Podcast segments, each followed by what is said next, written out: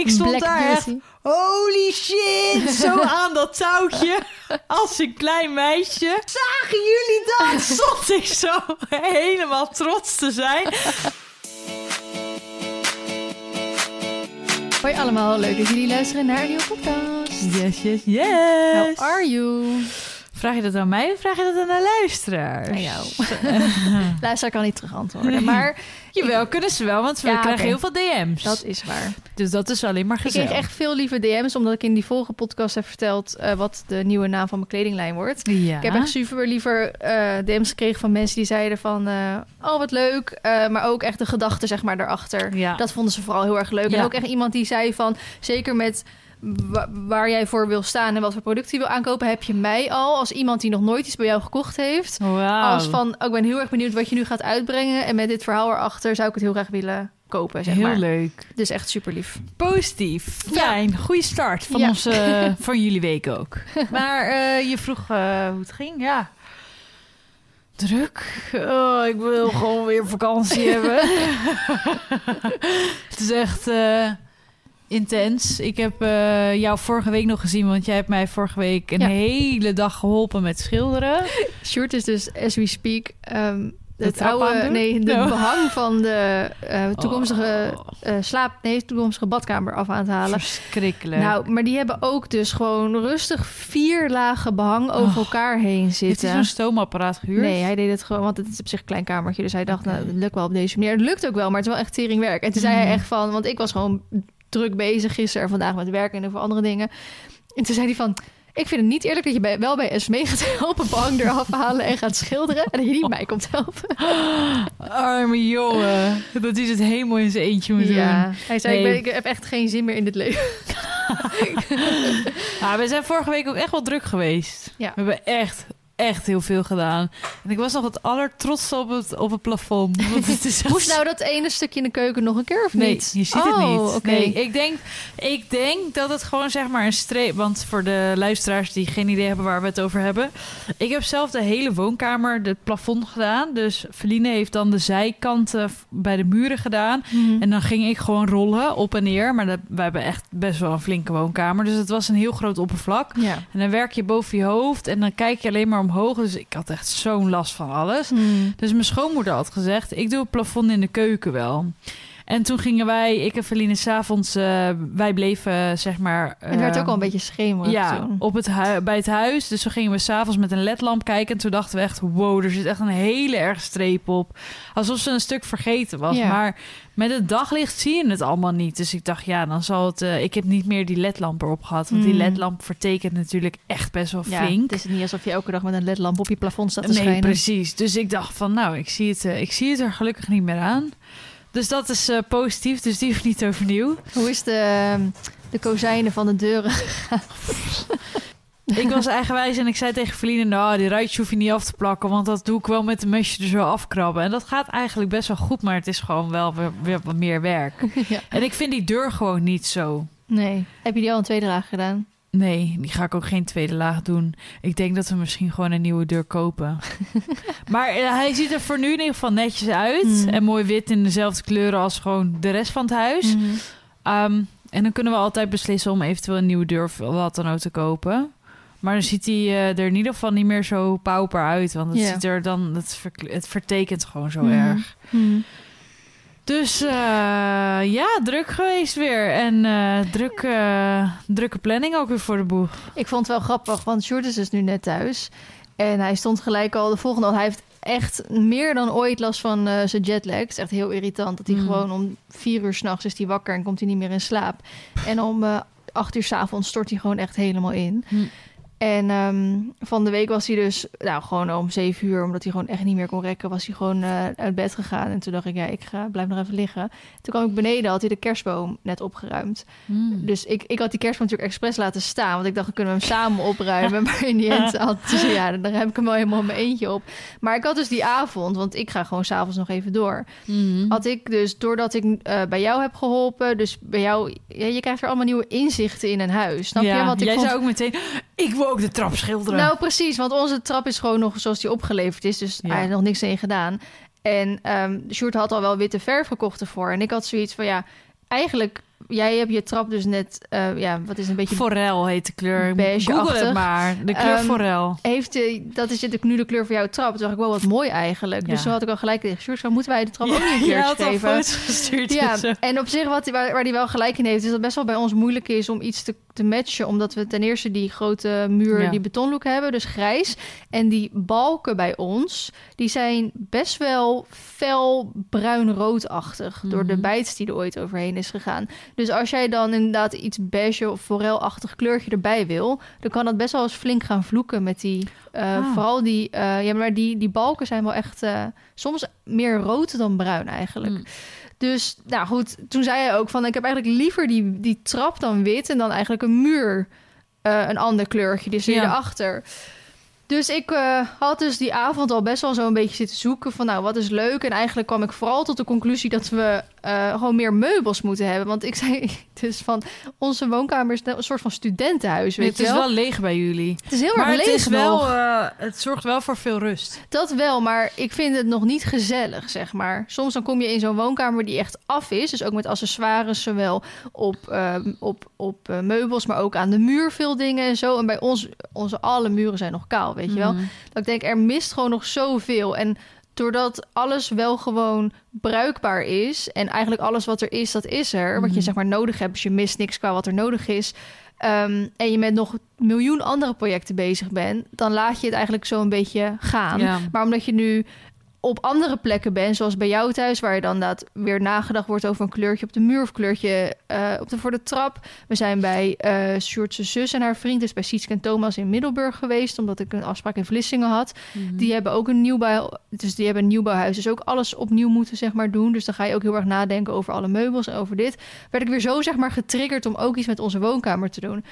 Dus ik kwam zo dus die ochtend thuis, terwijl Sjoerd dus net kut geslapen had en die kerstboom opgeruimd. Dus ik zei, oh, nou, fijn dat je dat aan het doen was, maar hoeft er niet, eh, samen, bla bla. hey, ik heb eens even na zitten denken, moeten we niet een keer dat of dat of dat? En hij, er kwam bij hem heel verkeerd binnen, weet je wel. Want hij dacht echt van, ik ben net thuis, ik ben net die kerstboom opgeruimd. En jij begint gelijk alweer over alles wat niet goed is. Mhm. En toen zei ik wel van ja, maar sorry, je moet begrijpen, ik zit hier al vijf weken eh, in mijn eentje, zeg maar, over na te denken. Hier al tegenaan te kijken. Nu ben jij eindelijk thuis. Zeg, oh, kan ik het eindelijk met je delen? Want ik heb nog geen zin om het over de WhatsApp en zo te doen. Mhm. En ik heb net, omdat jij gisteren vroeg naar bed ging, heb ik heel de avond zitten zoeken naar allemaal Ja. leuke dingen. Dus die wil ik graag met je delen. Dat schoot bij hem heel erg in het verkeerde keel gehad. Toen zei, dan kwam hij ook wel later naar me toe van sorry, ik reageerde een beetje heftig. En nou, eh, laat dan zien wat je helemaal gedacht had en zo. En toen kwam er eigenlijk vooral op dat we heel erg opbergruimte missen. Want we hebben bijvoorbeeld ten eerste geen plekken waar we leuke accessoires op kunnen zetten. Zoals Mhm. een kaarsje of een beeldje of een plantje. We hebben gewoon niks waar je eigenlijk iets op kan zetten. De enige dingen die we hebben zijn bijvoorbeeld die gaskachel. Nou, die staat Mhm. helemaal vol eigenlijk al, wat ook niet de bedoeling is. De salontafels, ja, dat is eigenlijk ook de bedoeling dat die zoveel mogelijk leeg blijven natuurlijk. Mhm. Ehm, en nou ja, dus we hebben nergens iets om op te zetten. En je hebt bijvoorbeeld die vensterbank. Dus niet die Ja. van, de, van de keuken, maar dan die daarachter. Ja, ja, Nou, die staat helemaal vol met mijn spullen. ja. Camera's, eh, eh, documenten, nou, kaarten, weet ik het wat. En toen zegt hij, ja, maar die, ja, boven heb je twee van die mooie kasten eh, op de vierde, zeg maar, staan... die ik speciaal voor jou in elkaar heb gezet. Omdat je eigenlijk zou kantoor boven worden. Maar ik zit natuurlijk alleen maar beneden. En denk, ja, maar ik snap het. Daar hebben we de ruimte. Maar ja, ik, ik denk dan praktisch, zeg maar, van... ik zit dus altijd beneden. Dus ik wil eigenlijk mijn spullen ook gewoon graag beneden hebben. Want Hm. klinkt stom, maar die, die stap is te groot om elke keer die trap te nemen... om dan die spullen daar te pakken die je bijna elke dag of elke week nodig hebt. Hm. Dus toen kwamen we er eigenlijk bij van... we missen gewoon opbergruimte. Dus gewoon kastjes eigenlijk. Nou, dan ga je kijken waar kan je dan zo'n kastje kwijt. Maar ons huis, omdat het natuurlijk een oud huis is... en eigenlijk het deel wat onze woonkamer is... is een omgebouwde koeienstal Ja. is gewoon zo onlogisch ingedeeld. We hebben heel veel open ruimte Mhm. die je eigenlijk niet kan gebruiken, want dan gaat het er heel vol uitzien. Ja. Ehm, en op alle open plekken die er zijn, zitten bijvoorbeeld verwarmingen. En je kan ook weer niet te veel alles voor je verwarming zetten, want dat blokkeert natuurlijk weer erg de warmte, aangezien we al een slecht geïsoleerd huis hebben. Ehm, of bijvoorbeeld stopcontacten of dat soort dingen, weet je wel. Dat je echt denkt, ja, En iets aan de muur? Plankjes aan de muur? ja, daar zitten we ook heel erg over van plankjes. En daar vind ik dan mooi naar plantjes op te zetten. Of Mhm. wat dit en dit en zo. Maar ja, dat moet je dan ook alweer een beetje zo erbij passen. En ik vind dan ook, je moet ook een beetje opletten met de kleur van je vloer bijvoorbeeld. Dat je niet een hele andere kleur eh, plankjes bijvoorbeeld nemen, want dat past er dan weer niet bij. Nou goed, dus we zijn nu overeengekomen dat we kastruimte nodig hebben. Eh, en dat lossen we dan op door eigenlijk de, het tv-meubel wat we nu hebben. Mhm. Want dat is een open tv-meubel, wat daardoor ook heel rommelig oogt. Ja. Omdat je daar allemaal spulletjes neerlegt. Dat ziet er dus heel rommelig uit. Dat we gewoon een dicht tv-meubel moeten hebben... met ook veel meer opbergruimte... zodat heel veel spullen van mij daar gewoon in kunnen. En ehm, als je zeg maar, waar ik net over die vensterbank had... hebben we daar toch zo'n soort van vitrinekastje staan. Ja. Dat is ook open. Dus dat moet ook gewoon een kastje komen die gewoon dicht is. Mhm. En waar je dan bijvoorbeeld, wat dan misschien nog wel mooi is... om dan de helft wel met zo'n glasje ervoor te hebben... en dan de helft gewoon dicht. Ja. Want in onze keuken, want we hebben op zich best wel een kleine keuken eigenlijk... Ehm, komen we ook gewoon opbergruimte tekort. En we hebben heel veel bijvoorbeeld wijnglazen staan... omdat je die dan een keer krijgt... en dan krijg je er gelijk zes of twaalf of zo... terwijl wij allebei geen wijn drinken... en niemand die bij ons komt drinkt ook geen wijn. En maar je gaat het misschien ook weer Je niet weggooien of zo. huis. Ik heb het niet eens in huis. En als ik wel heb, dan geef ik dat aan niemand mee. dus dat is bijvoorbeeld mooi om dan in zo'n kastje te zetten. Zodat je dat kastje weer vrij krijgt om dan weer andere spullen te doen. Want onze kastjes die puilen ook best wel uit omdat het heel ongeorganiseerd is. Dus nou goed, het moraal van het verhaal is dat we op zich de plekken die we nu als opberg hebben... die moeten gewoon dicht en groter, zodat je er veel meer in kwijt kan. En dan komt bijvoorbeeld ook weer die vensterbank komt dan vrij, zodat Ja. je daar weer leuke dingetjes kan zetten. Als je een groter tv-meubel neemt, dan kan je er ook wat meer naast de tv zetten. En dan inderdaad plankjes bij de muren, vooral bij de bank daar zo. Ja. Ehm, en dan kom je in ieder geval een heel stuk verder. Maar ik vind het altijd gewoon een beetje soort van spannend als je dat soort dingen uitkiest van... past het wel bij elkaar? ja, dat is Is echt, het nu niet eh, zo'n bij elkaar geraapt zooitje Ja. van allemaal dingen? Nou, daar ben ik ook bang voor. Ja. Want ik heb echt... Ik weet ook nog... Ja, wij hebben dus de vloer. Iedereen zegt, oh, wat heb je een mooie vloer. Ja, klopt. We hebben een houten vloer erin liggen. Maar we hebben de kleur nu via een staaltje... Heet het? Ja, dat heet een staaltje gekozen. Ja. En dan hebben we dus een bank. En we hebben een, een tv-meubel en een salontafel die we nog gaan bestellen. En we Mhm. hebben een hele grote buffetkast. En we hebben een ovale tafel. En we hebben daar de stoelen al bij. Dus het is echt dat je denkt, ja, gaat dit wel passen? Ja. En dit hebben we allemaal gekocht voordat we de kleur van de vloer wisten. ja. Dat is nog het Dat is moeilijk, inderdaad. Dus daarom hebben we nu wel de kleur van de vloer daarop aangepast. Want Ja, ik slim. wilde heel graag een donkere vloer. Maar eigenlijk past het gewoon niet bij de meubels die we hebben. Mhm. Eh, omdat we dus die ovale tafel, dat is ook al hout. Houtachtige kleur. Ook wel wat warmer. En het tv-meubel wordt ook houtachtig. Toen zei ik, ja, maar dan wordt het echt zo'n houthuis. Ik zei, Ja. dat, dat is niet mooi. Niet. Nee.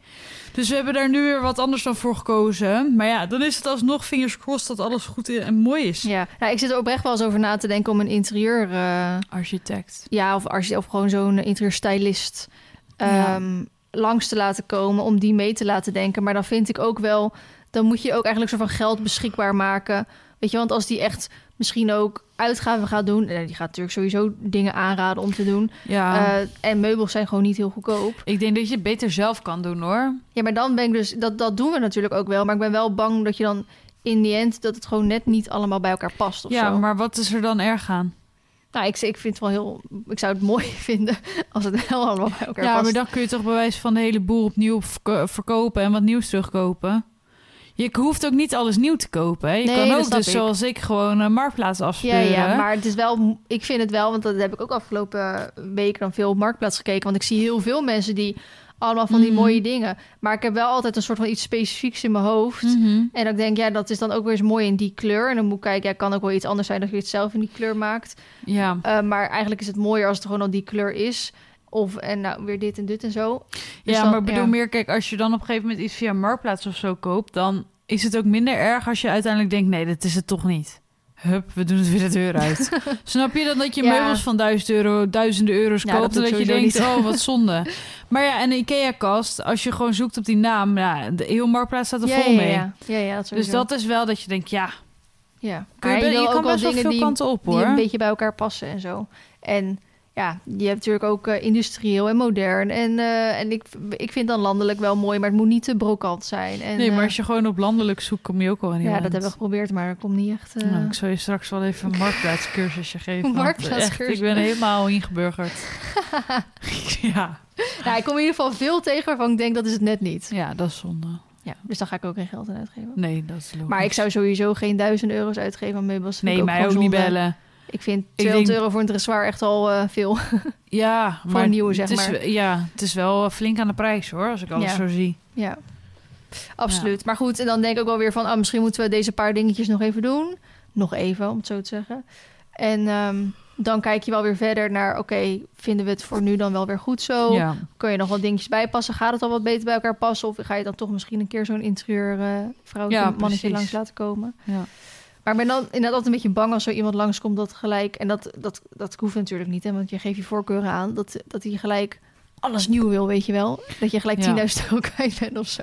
ja, ik denk wel dat dat soort mensen heel goed zijn in het overtuigen. Van, oh, moet je kijken, dit is echt heel mooi bij elkaar. Ja. Denk ik, Ik ja, dat is hun job, hè? Ja, maar ik vind het ook soms lastig, want dan kijk ik naar zo'n woonkamer van iemand en dan denk ik echt, oh, wat ziet het er mooi uit. Maar dan ga je soort van zo gedetailleerd naar elk accessoire kijken en dan denk je echt, ja, maar waarom zou ik hier mijn geld aan uitgeven? Snap je? Dat je echt Mhm. zo'n heel niks zeggend accessoire, Ja. dat je als je dat gewoon zo in een winkel tegenkomt, denk je echt, nou, wat is dit? Mhm. Maar als je hem dan in het geheel zo in een woonkamer ziet, Ja, dan denk je, oh, dat is toch wel leuk. is toch wel leuk Ja. inderdaad. En dat vind ik heel moeilijk om dan daar te besluiten van, oh, daar ga ik geld aan uitgeven. Want dat is voor mij dan meer van, oh, is het dat wel waard? Ja. staat het dan niet inderdaad zo'n bij elkaar geraapt zooitje? Of staat het, maakt het het echt af? Maar goed, dat... Leuk. eh, ik wil wel een keer met je mee, hoor. Ik weet wel een paar leuke woonwinkels die ook gewoon... eh, gewoon even wat anders als Ikea, weet je wel. Ja. Maar eh, ja, ik ben echt een beetje op zoek naar die landelijke eh, winkels. We Ja, wilden eigenlijk gisteren gaan, maar op maandag is echt alles dicht. ja, heel veel is dicht, ja. Dus, ja, dan eh, heeft iedereen wi- wi- eh, winter, weekend Ja, op maandag, ja. ja terwijl dat, ik ben dat een soort van niet gewend. Want bijvoorbeeld een Ikea is ook gewoon open op maandag, Ja. weet je wel. Maar al inderdaad dat soort winkels zijn allemaal Klopt. open, dicht dan. Ook, Ja. Of heel vaak is überhaupt pas op woensdag of donderdag open of zo. Of zelfs soms alleen op afspraak of zo, weet je wel. Ja, dat is ik denk, nou, ik wil gewoon rondneuzen. Ja, ja precies. Lekker neuzen. Ja, ons- Kringloopwinkels zijn ook een aanrader. Ja, maar ik denk wel dat je de goede moet hebben. Want wij Ja. hebben een kringloop in Loenen en dat is echt, ja, Dat is echt pauperbende. of zo. In Amersfoort zit een grote. Dus. Oh. Ja. Eh, en door. Heb je irritatie, struggle, anekdote? Even kijken. Ik heb alles opgeschreven. Topper. Ja, ik heb ehm, als struggle dat ik merk dat ik het weer heel erg lastig vind. Alsof het echt weer zo'n periode in mijn leven is of zo. Dat ik het lastig vind om mijn verwachtingspatronen bij te stellen. Dus als ik zeg maar iets in mijn hoofd heb, dan moet het ook zo, punt. Mhm. En als het dan niet zo is, kan ik echt helemaal van de leg zijn. En dat eh, merk ik nu weer heel erg. Ik weet niet of er iets getriggerd is waardoor dit dus in één keer weer meer is. Mhm. Ik had het idee dat het wat meer verwaterd was, want ik ben, dat weet jij ook wel en dat kan ik wel zeggen, ik ben vrij autistisch aangelegd. Ik bedoel, eh, als ik het, het moet een beetje zoals het in mijn hoofd gaat. Dat Mhm. heb ik altijd al gehad. En met heel veel dingen. Dus eh, ik heb heel erg structuur nodig in mijn leven. Ik heb een wekker nodig. Ik moet. Dat soort dingen zijn gewoon heel belangrijk voor mijn functioneren om lekker in mijn vel te Mhm. zitten. Dat weet ik van mezelf. En daar ben ik nog meer achter gekomen door de burn-out en dat soort dingen. Maar nu merk ik dus ehm, dat ik weer tegen dit soort dingen aanloop. Dus zoals dat ik, ehm, om een voorbeeld te geven, ehm, eh, op de nieuwe stal ben wezen kijken. Dat is achteraf gezien niet heel erg mega negatief. Maar Mhm. op dat moment denk ik dan echt, ja, dit was mijn leven. Snap? Ja, maar het klinkt echt leven. heel heftig. Maar dan is het echt dat ik denk van, oh my god, mijn wereld stort even in. Dat. Dat het heel intens is. Mhm. En ik weet dus niet, ik denk dat het ook gewoon is door alle drukte en dat ik hoog in de emotie zit. Ja, dat dus zal. dat het een beetje bij deze periode hoort. Maar Mhm. om een voorbeeld te geven, om even met de billen bloot te gaan. Ik ging afgelopen zaterdag mijn zadelkast brengen bij de, eh, op de nieuwe stal, omdat ik vrijdag bij Lou ga verhuizen. En ik kwam daar aan en de paarden.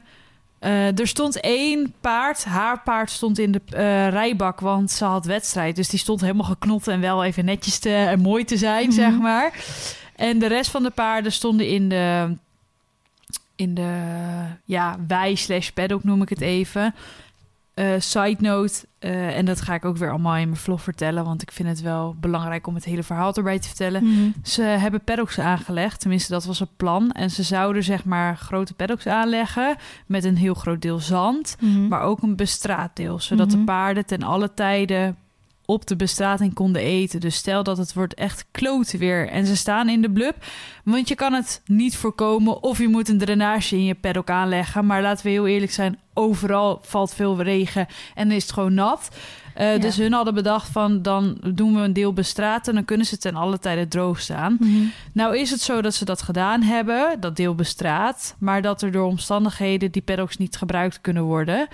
Ehm, dus de paarden staan nu op een ander deel van de wei eigenlijk. Ze hebben gewoon een groot, echt een echt een heel groot deel van de Mhm. wei afgezet. Ze hebben nog steeds mega veel land, begrijp me niet verkeerd. Mhm. Maar het is echt zes keer de paddock als waar ze nu op staat. Mhm. En nu staat ze met acht paarden en dan straks staat ze er met vijf of zes, weet je wel. Mhm. Dus het is echt... Ze gaat echt heel veel ruimte krijgen. Maar dat beginstuk van die paddock was vrij blubberig. Stonden ze echt wel in de blub. Mhm. En er stond dan één zo'n zenuwleier daar de hele tijd te weven. Dus dan zie je hem zo Ja. door die paddock heen denderen. Maakt het alleen maar erger. Die maakt het alleen maar erger. Ik moet zeggen, achteraan in die paddock was het allemaal droog. Dus het is alleen het voorste deel. Maar ik zag dat en die dacht echt... oh, kut. Baloo met haar mok en met haar slechte hoeven... en met die straalkanker... waar we toen, zeg maar twee jaar geleden... een beetje tegenaan zaten. Ik dacht echt, oh, fuck, weet je wel. Mhm. Dus ik had gewoon een domper. En ik had gewoon een kutdag al. Ik was zagrijnig en ongesteld. En toen was ik daar geweest en toen dacht ik, ging ik in één keer weer helemaal twijfelen aan mijn keuze om te verhuizen, überhaupt het verhuizen. En alles werd zo intens weer. Ja, gaat echt alles over nadenken. En dat is gewoon precies zo'n verwachtingspatroon. Ik weet dat ik dus. ehm, ik heb er zelf voor gekozen om naar deze stal te gaan. Primitieve stal, om het even zo te zeggen. Het is bij mensen aan huis. Die hebben het gewoon voor de hobby, voor de leuk, voor de bij. Niet heel bijzonder. Het is niet te vergelijken met de stal waar ik nu sta. Mhm. Waar ze stagiaires hebben die de hele dag bij wijze van de boel aan het vegen zijn die eh, alles netjes houden. Dat is gewoon niet te vergelijken. Het is Mhm. gewoon bij mensen aan huis. Alles voor de paarden wordt gedaan. Echt, ik denk oprecht dat ze als een prinsesje behandeld worden. Maar het is gewoon wel anders. En daar heb ik me op ingesteld, dat weet ik. Maar toen ik dat stukje blub zag, dacht ik echt... oh nee, heb ik wel een goede keuze gemaakt? en doe ik er goed aan om er mee te nemen? En ik had helemaal gewoon... Ik, oh, gewoon vaak is het- stress. Bevestigt dat het soort van wat je zegt als je al zo'n kutdag hebt. Ja, Maar soms dan, dan zit er bij mij ook een keer wat tegen. En als dat dan zo'n paar keer achter elkaar gebeurt, dan denk ik echt, ik kap er mee. En ja, ik echt. ben er echt klaar mee. Ik ga mijn leven omgooien. Ik verkoop de boel, dit en dat. Nou, dat. Terwijl als ik helemaal in een, in, een, in een positieve flow zit en er zit wat tegen, denk ik, oh nou oké, prima, maar Ja. het komt alweer goed. Bla, Want dan kom ik wel. op stal bij ons en dan denk ik... ja, jezus, hier lopen de paddocks ook af... en is het ook één grote uh, blubbende. ja, Ja. hebben ze misschien, eh, eh, zeg maar... eh 15 vierkante meter waar ze droog kunnen staan... en de rest staat ook onder water. Hmm. Ja, en dan staan ze met z'n achten. Dan denk ik, ja, wat loop je nou eigenlijk te zeuren? Ja. Snap je? Maar dat is dan zo'n verwachtingsmanagement in mijn hoofd. Ja, en dan krijg ik gewoon error. dus dat was echt mijn strukkel van afgelopen week. Ik moet wel zeggen, ik heb het allemaal gerelativeerd... en ik heb echt wel zin om te verhuizen. En ik sta bij hun in de bak en ik kan gewoon de vereniging zien. Snap je het? Zo Ja. dichtbij is het. Mhm. Wij gaan, ik ga samen met de eigenaresse op eh, woensdag uit mijn hoofd dressuurlessen. En op donderdag ga ik springlessen. En dat wissel ik dan om de week af. Dus de Mhm. ene week op woensdag les, andere week op donderdag. En ehm, de- het is gewoon allemaal ruimte. Snap je? Dat, dat is echt het hele probleem niet. Maar Mhm. gewoon dat ik, dan krijg ik gewoon error in mijn hoofd. Maar ik denk dat het bij jou nu sowieso is, omdat het gewoon heel erg druk is met de verbouwingen. ik- En dan spanning dat je, je, jij moet zelf gaan verhuizen, je gaat samenwonen weer, maar je ook eh Ja. Baloo verhuizen. Dat is natuurlijk waarschijnlijk waar je het meeste druk om maakt. Ja, ik maak me echt een meeste druk om haar. Dat is echt het Ja. raarste wat er is. Maar het is echt mijn kind. Het moet gewoon goed zijn met haar, snap je? ja. Zij moet het gewoon goed hebben. Ja. Maar ik, ik snap hem wel. Ik had hem van de week eh, ook toen ik met Nacho dus uh, Balkie 6 bij Wesley ging Mhm. doen. Dat ik had ehm, in mijn vlog dus gezegd dat ik niet heel positief terugkeek Ja, op die balkjes Ik heb het gezien. En toen kreeg ik wat reacties van, nou, dat ik, jammer dat je zo, zeg maar, een beetje negatief Ja, terugkijkt dat op is die een les. momentopname. Maar dat is heel erg, nou ja, goed, of je nou vlogt of wat dan ook. Je bent, dat is hetzelfde wat ik wel eens vaker als voorbeeld geef. Toen ik eh, die, voor de eerste keer de, die zwetwedstrijd had. Mm. Toen als zat ik ook met een heel ander eh, gevoel achter dan dat je een paar dagen of weken later hebt.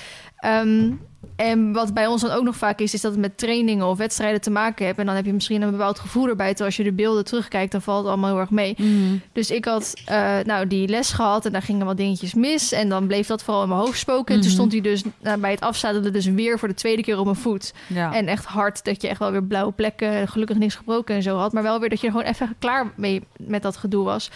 Dus dat, en toen had ik dus de, wel pas de volgende dag, zeg maar, eh na bespreken van die training gedaan. Maar ik had Mhm. nog niet de beelden teruggekeken. En toen keek ik inderdaad die beelden terug. En toen dacht ik, het valt best wel mee. Hij heeft eigenlijk best wel gewoon goed Ja. gedaan, weet je wel. En hij Ja. galoppeerde ook best wel... Kijk, hij galoppeerde niet aan wanneer wij wilden dat hij aangaloppeerde. Maar hij galoppeerde wel goed. Ja. Niet meer zo enorm uit elkaar, geen gebok, weet je wel. Dus daar moet je ook wel weer blij mee zijn. Mhm. Dus, maar omdat dat voor mij dan die, die, dat hij weer zo op mijn voet stond, zeg maar, soort van even die druppel was, waardoor alles negatief werd. Ja. eh, dan ja, spreek je heel vaak vanuit emotie, of je gaat reageren uit emotie, of je denkt uit emotie of zo, omdat dat dan op dat moment gewoon even kut is. ja. En dan En achteraf dan is het nog stommer dat iedereen daar inderdaad een mening over heeft. Van ja, je moet niet zo negatief denken. Ja. Terwijl jij dan denkt, ja, maar dit is een moment. Ja. Op dat moment vond ik het gewoon kut. Ja, nu precies. een week later inderdaad, en met die zelf ook die beelden teruggekeken. Dan denk Maar- je, nou, Maar het is toch ook stom als ik dan een soort nabespreking doe en ik zit er dan te editen en dan denk ik, ja, het viel eigenlijk allemaal best wel mee om dan die volledige nabespreking weg te gooien en Ja. dan het er voor de tweede keer op te nemen. Ik vind dat Ik ook heb er nog een week over nagedacht. Ja, precies. Ik vind het veel mooier als je dit dan straks in een nieuwe video Ja. bespreekt. Dat je zegt, jongens, luister. Jullie moeten wel beseffen, dit is zo'n momentopname. Dit is hoe ik het nu meemaak. Ja. Straks als ik... Ik heb dat ook elke keer met die, met die meterparcoursje gezien. Dan zat ik erop en dan dacht ik echt... Wat doe ik hier, weet je wel? Echt intens. Mhm. En dan kijk ik de filmpjes terug. dacht ik, oh, dat is best een net lijntje. Dit is een goede afstand. Dat ging best wel goed. Het is allemaal niet perfect, maar wat verwacht je dan? Ja. Snap je? Ja. Dus dat, ik, ik herken het wel. Ja, natuurlijk herken ik het heel erg. Maar Ja. het is wel grappig. ehm, vooral ook dan dat je in emotie zoiets vertelt. En dat het dan toch een soort van... En ik denk dat het menselijk blijft, want je doet dit elke keer weer opnieuw. Ja, Snap je? Het is niet alsof je een soort van ervan leert. Ehm, Van, oh, ik heb toen uit emotie gereageerd en achteraf dacht ik er zo en zo Nee, want over. Want de emoties volgende zit keer gebeurt het opnieuw. Ja, En dan ga je misschien wel een keer, tweede keer nadenken over welke woorden je gebruikt. Dan zou Ja. ik niet meer zeggen dat ik een horrorjury heb. Maar ik zou kan misschien nog steeds wel hetzelfde eh, gevoel van die proef hebben. Dan zou ik Ja. alsnog hetzelfde zeggen. ja. Ja, lastig hoor. Het zijn moeilijke... Ik vind het altijd wel pittige dingen. Ja, ik had het vandaag dan weer met eh, dat ik Nacho dus ging logeren. Dat ik hem ehm, ehm, eerst gewoon... Ik wilde hem zo nou, wegsturen bij je, weet je wel. Als je er zo net begint met logeren. En toen wilde hij al gelijk al gaan aandraven. En toen dacht ik, nee, dat gaan we dus even niet doen. We gaan gewoon eerst warm stappen. Gewoon rustig aan, weet je wel. En toen kon ik heel goed... ehm, hem in stap, zeg maar, zijn stappen verruimen. En dan ook heel goed dat je die achterhand er actiever onder zag. En dat je dan de- dat die hals dan ook uit zichzelf ging Mhm. zakken. Ik dacht van, oh, dat gaat lekker. Weet je wel, volgende keer moet ik even iemand erbij hebben die het vanaf mijn perspectief zo filmt, zodat ik het ook zo goed kan uitleggen wat je nou precies ziet, bla bla. Nou, ik ga aandraven en dat hoofd gaat wel weer omhoog. En denk, ja, oké, jammer, want we waren in stap zo lekker bezig. Maar Mhm. ik weet dat hij dat in draf nog heel moeilijk vindt. Ehm, en toen eh, wilde ik hem dus over die cavalettis heen laten gaan. Denk, nou, dat hebben we ook afgelopen maanden super veel gedaan. Ja. En er gaat gewoon een soort knop bij hem om. En hij gaat gewoon vol gas eroverheen. En hij vindt het in één keer doodeng allemaal. En hij gaat me toch rennen. En ik had dus expres geen handschoentjes omgedaan. Want ik dacht, zo Ja, koud is het niet. Even longeren een kwartiertje. En nou, hij rent gewoon eh, vol over de schouder weg. En normaal kan je je of een beetje schrap zetten of een beetje tegendruk ge- geven. Maar ja, hij is gewoon heel groot en sterk. Dus hij trekt mij zo mee. En dan probeer je wel zo tegen te houden. Maar je weet ook dat je niet te hard moet vasthouden. Want dan wordt dat touw zo door je handen gesneden. Dus ik begin wel een beetje van, oh, oh, oh, zo een beetje, weet je wel. Je doet toch een beetje zo met je armen. En daar wordt hij alleen maar nog banger van. Want hij denkt misschien van, oh, ze is boos op me, ze wil me slaan of zo. Terwijl ik denk, ja, dat heb ik je nog nooit gedaan. Nee. Want zo ben ik niet. Maar eh, hij reageert heel erg op lichaamstaal. Altijd als, eh, als ze in de inloopstal irritant tegen elkaar doen... en ik doe helemaal zo richting Ax met mijn lichaamstaal van ga eens weg. Nou, Ax eh, die steekt nog net niet de middelvinger op en Ja. denkt ik sta hier wel prima. Bij Nacho hoef één keer mijn hand zo omhoog te doen... en hij staat gelijk aan de andere kant van het weiland, weet je wel. Ja. Best een beetje zielig eigenlijk. Dus hij schrikt daar alleen maar nog meer van... waardoor hij nog harder gaat wegrennen. En dan moet ik gewoon echt het touw loslaten. Dan schrikt hij ervan dat het touw achter hem aankomt... want die zit natuurlijk aan zijn hoofdstel vast. Ja. Nou, en dan gaat hij dus alleen maar rondjes rennen. En dan echt maar niet dat hij naar je toe komt of dat hij... Hij rent gewoon voor je weg dan, want hij dan gewoon bang is. Nou, ik had dus het touwtje niet dicht gedaan. Van de dus, bak. Van de bak, want ik dacht hij trekt zich nooit los. Eh, rent hij zo hup de bak uit. Nou, vol gas over die stenen heen. Dus hij gaat natuurlijk ook nog eens half op zijn bek. En rent daarna zo, recht, gaat rechtsaf zo dat eh, richting achter, zeg maar, op. Toen dacht ik echt van, nou, nu moet hij gewoon normaal gaan... voordat hij straks echt de weg op rent... of in één keer in, in die sloot ligt... of Ja. eh, in de vijver ligt, of wat dan ook. En natuurlijk ook nog dat touw achter hem aan... voordat het touw straks ergens omheen slaat.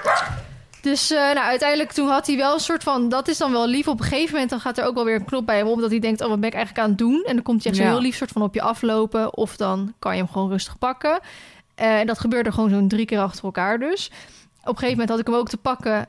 en toen trok hij dus gewoon weer los. Was hij in één keer...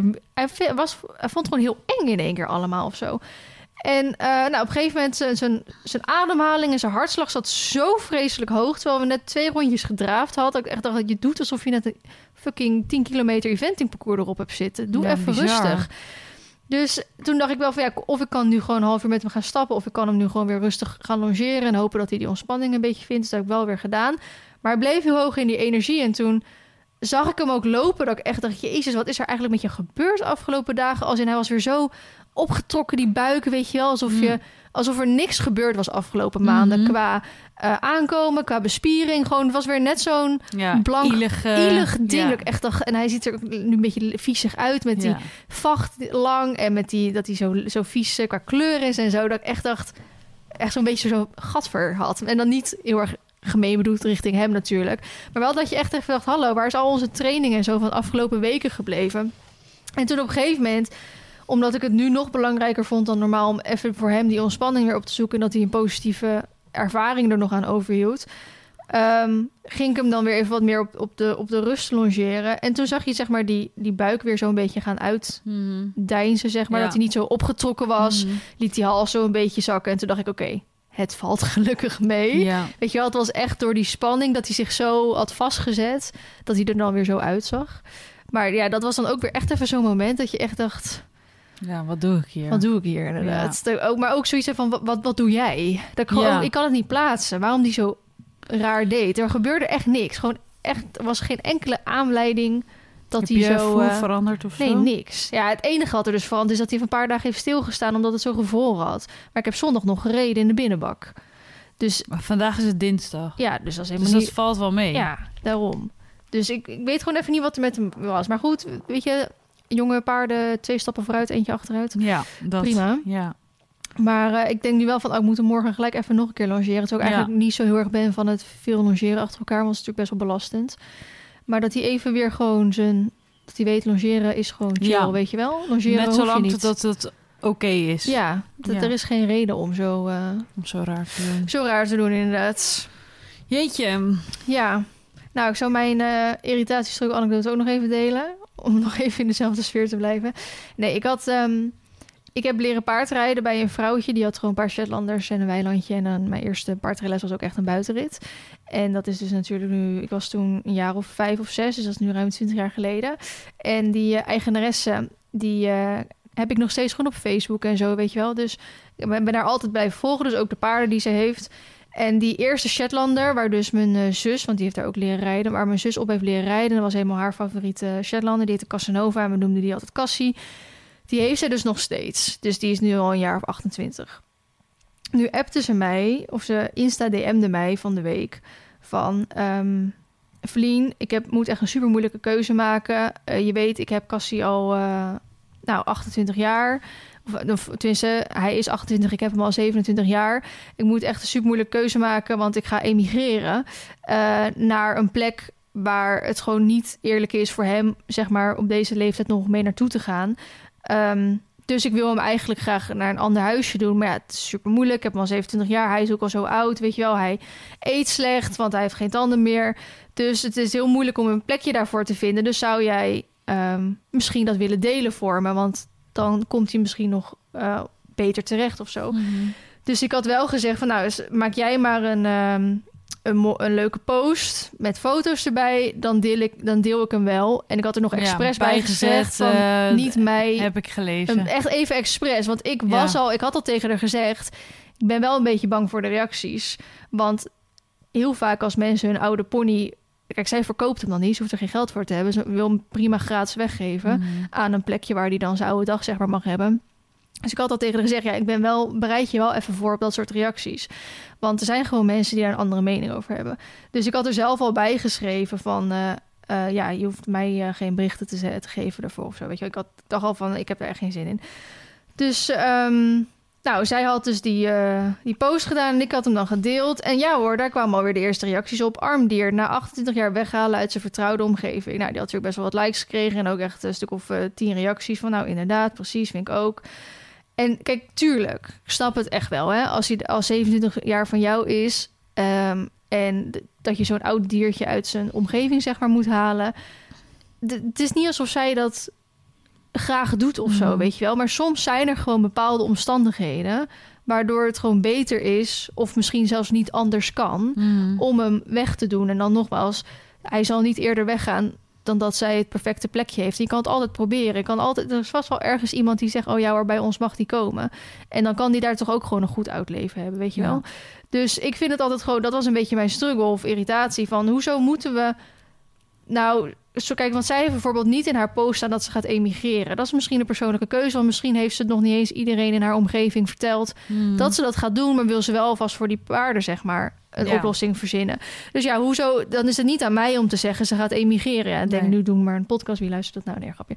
Maar daar vind ik het altijd lastig van. Waarom moeten mensen altijd, zonder dat ze het hele verhaal kennen, Ja. dan weer gelijk dat soort reacties achterlaten? Het is, al moeilijk genoeg voor haar. Ja. Hoezo moet je dan alsnog van dat soort reacties achter gaan laten eh, onder die post? Worden, me- worden, worden ze beter van, hè? Ja, precies. Nou, als ik haar was, had, ik- had, bijna ik ze, had ik ze verwijderd.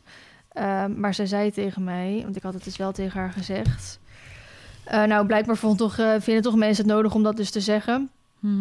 Ehm zegt ze, ach, ik weet beter. Mensen die echt interesse hebben, die hoor ik vanzelf wel. Toen dacht ik, nou, sta je, sta je goed in. Ik had ze al Mhm. lang ver- verwijderd. Ja. En ze heeft best wel wat andere reacties gekregen van mensen die zeggen... oh, eh, misschien iets voor jou, eh, vervelend. Weet je wel, dat is nog een soort van positief. ja. Of die dan in ieder geval mee proberen te denken.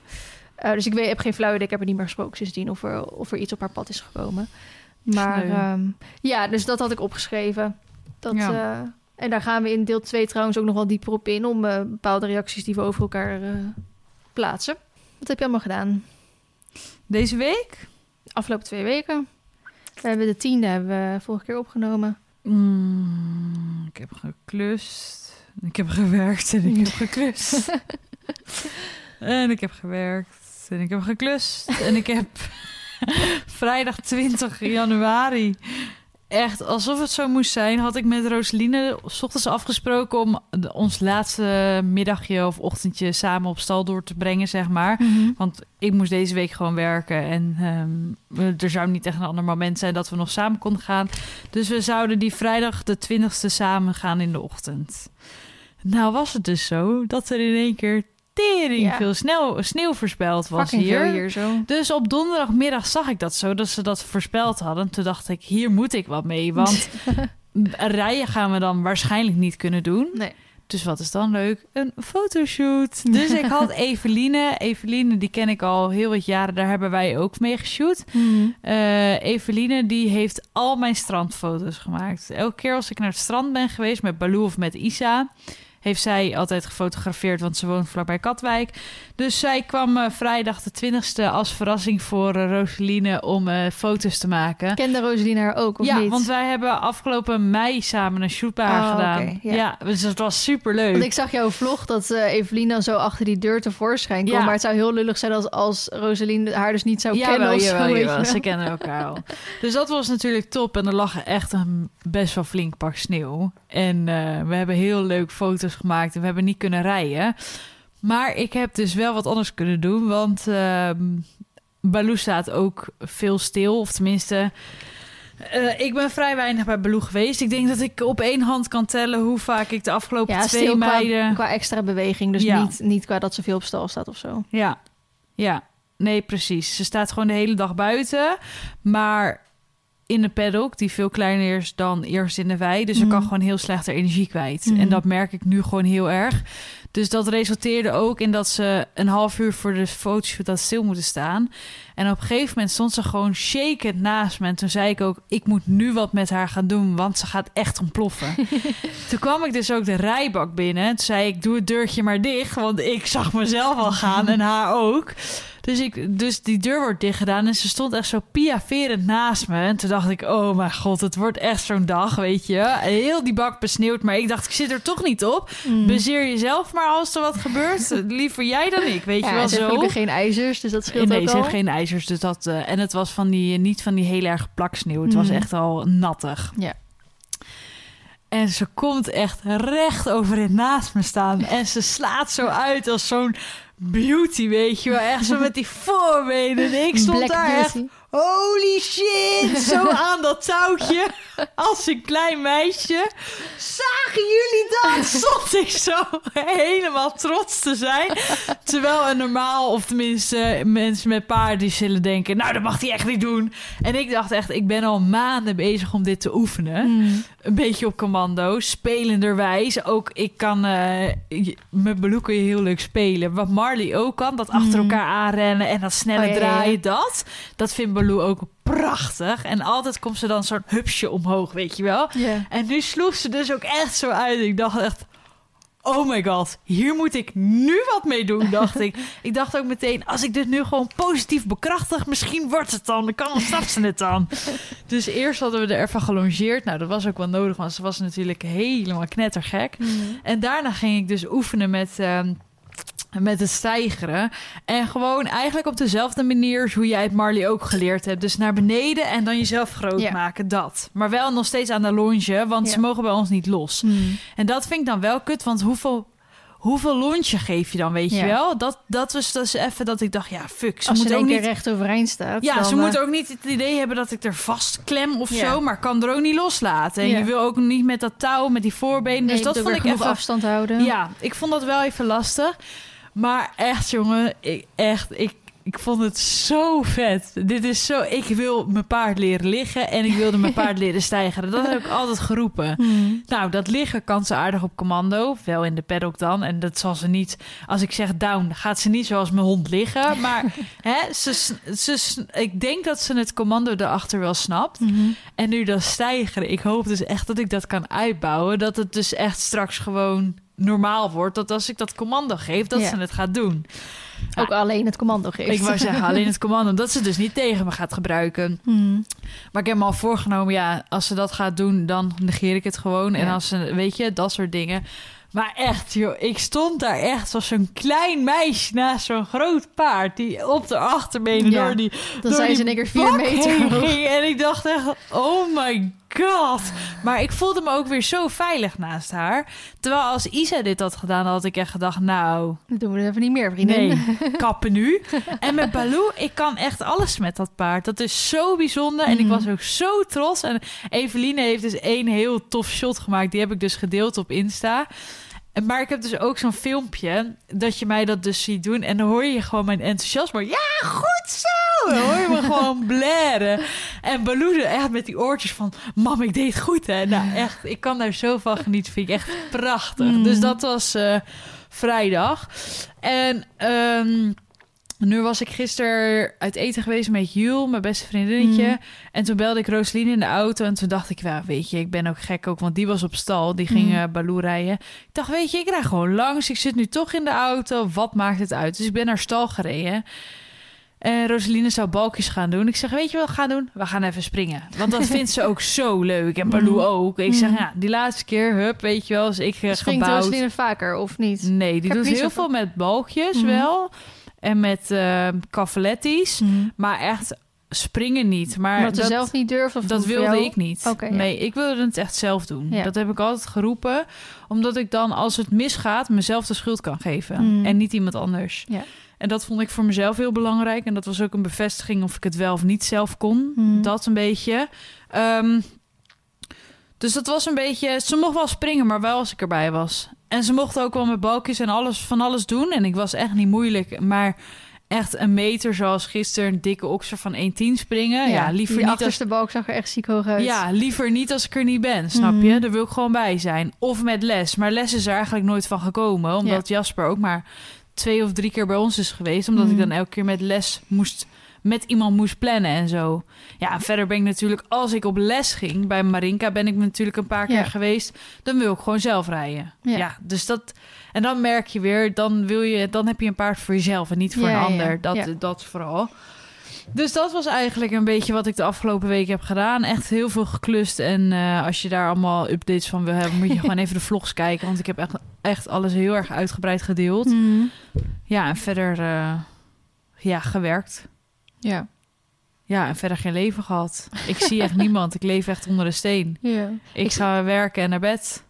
Ja, dat is mijn dag. Ja, maar ik, zou ook zeggen, blijf dat nog even volhouden. Want Ja. het heeft ook geen zin om allemaal dingen erbij te gaan doen. Nee, dan. ik heb er ook echt geen behoefte aan. Nee. Ik hoef ook even niemand te zien. Klinkt Nee. echt heel hard, maar ik ben gewoon echt even in mijn eigen wereldje, Ja, maar met mijn eigen dat, ding ehm, bezig. jouw werk eigenlijk dit weekend dan op Jumping Amsterdam gaat staan... en dat jij dan niet meegaat. Ik denk, ja, Ja. dat is wel een goeie. Want als jij ook nog op dat evenement eh, een paar dagen moet gaan Ja. staan... dat trek je gewoon niet aan. Nee, dan ben ik helemaal niks meer waard.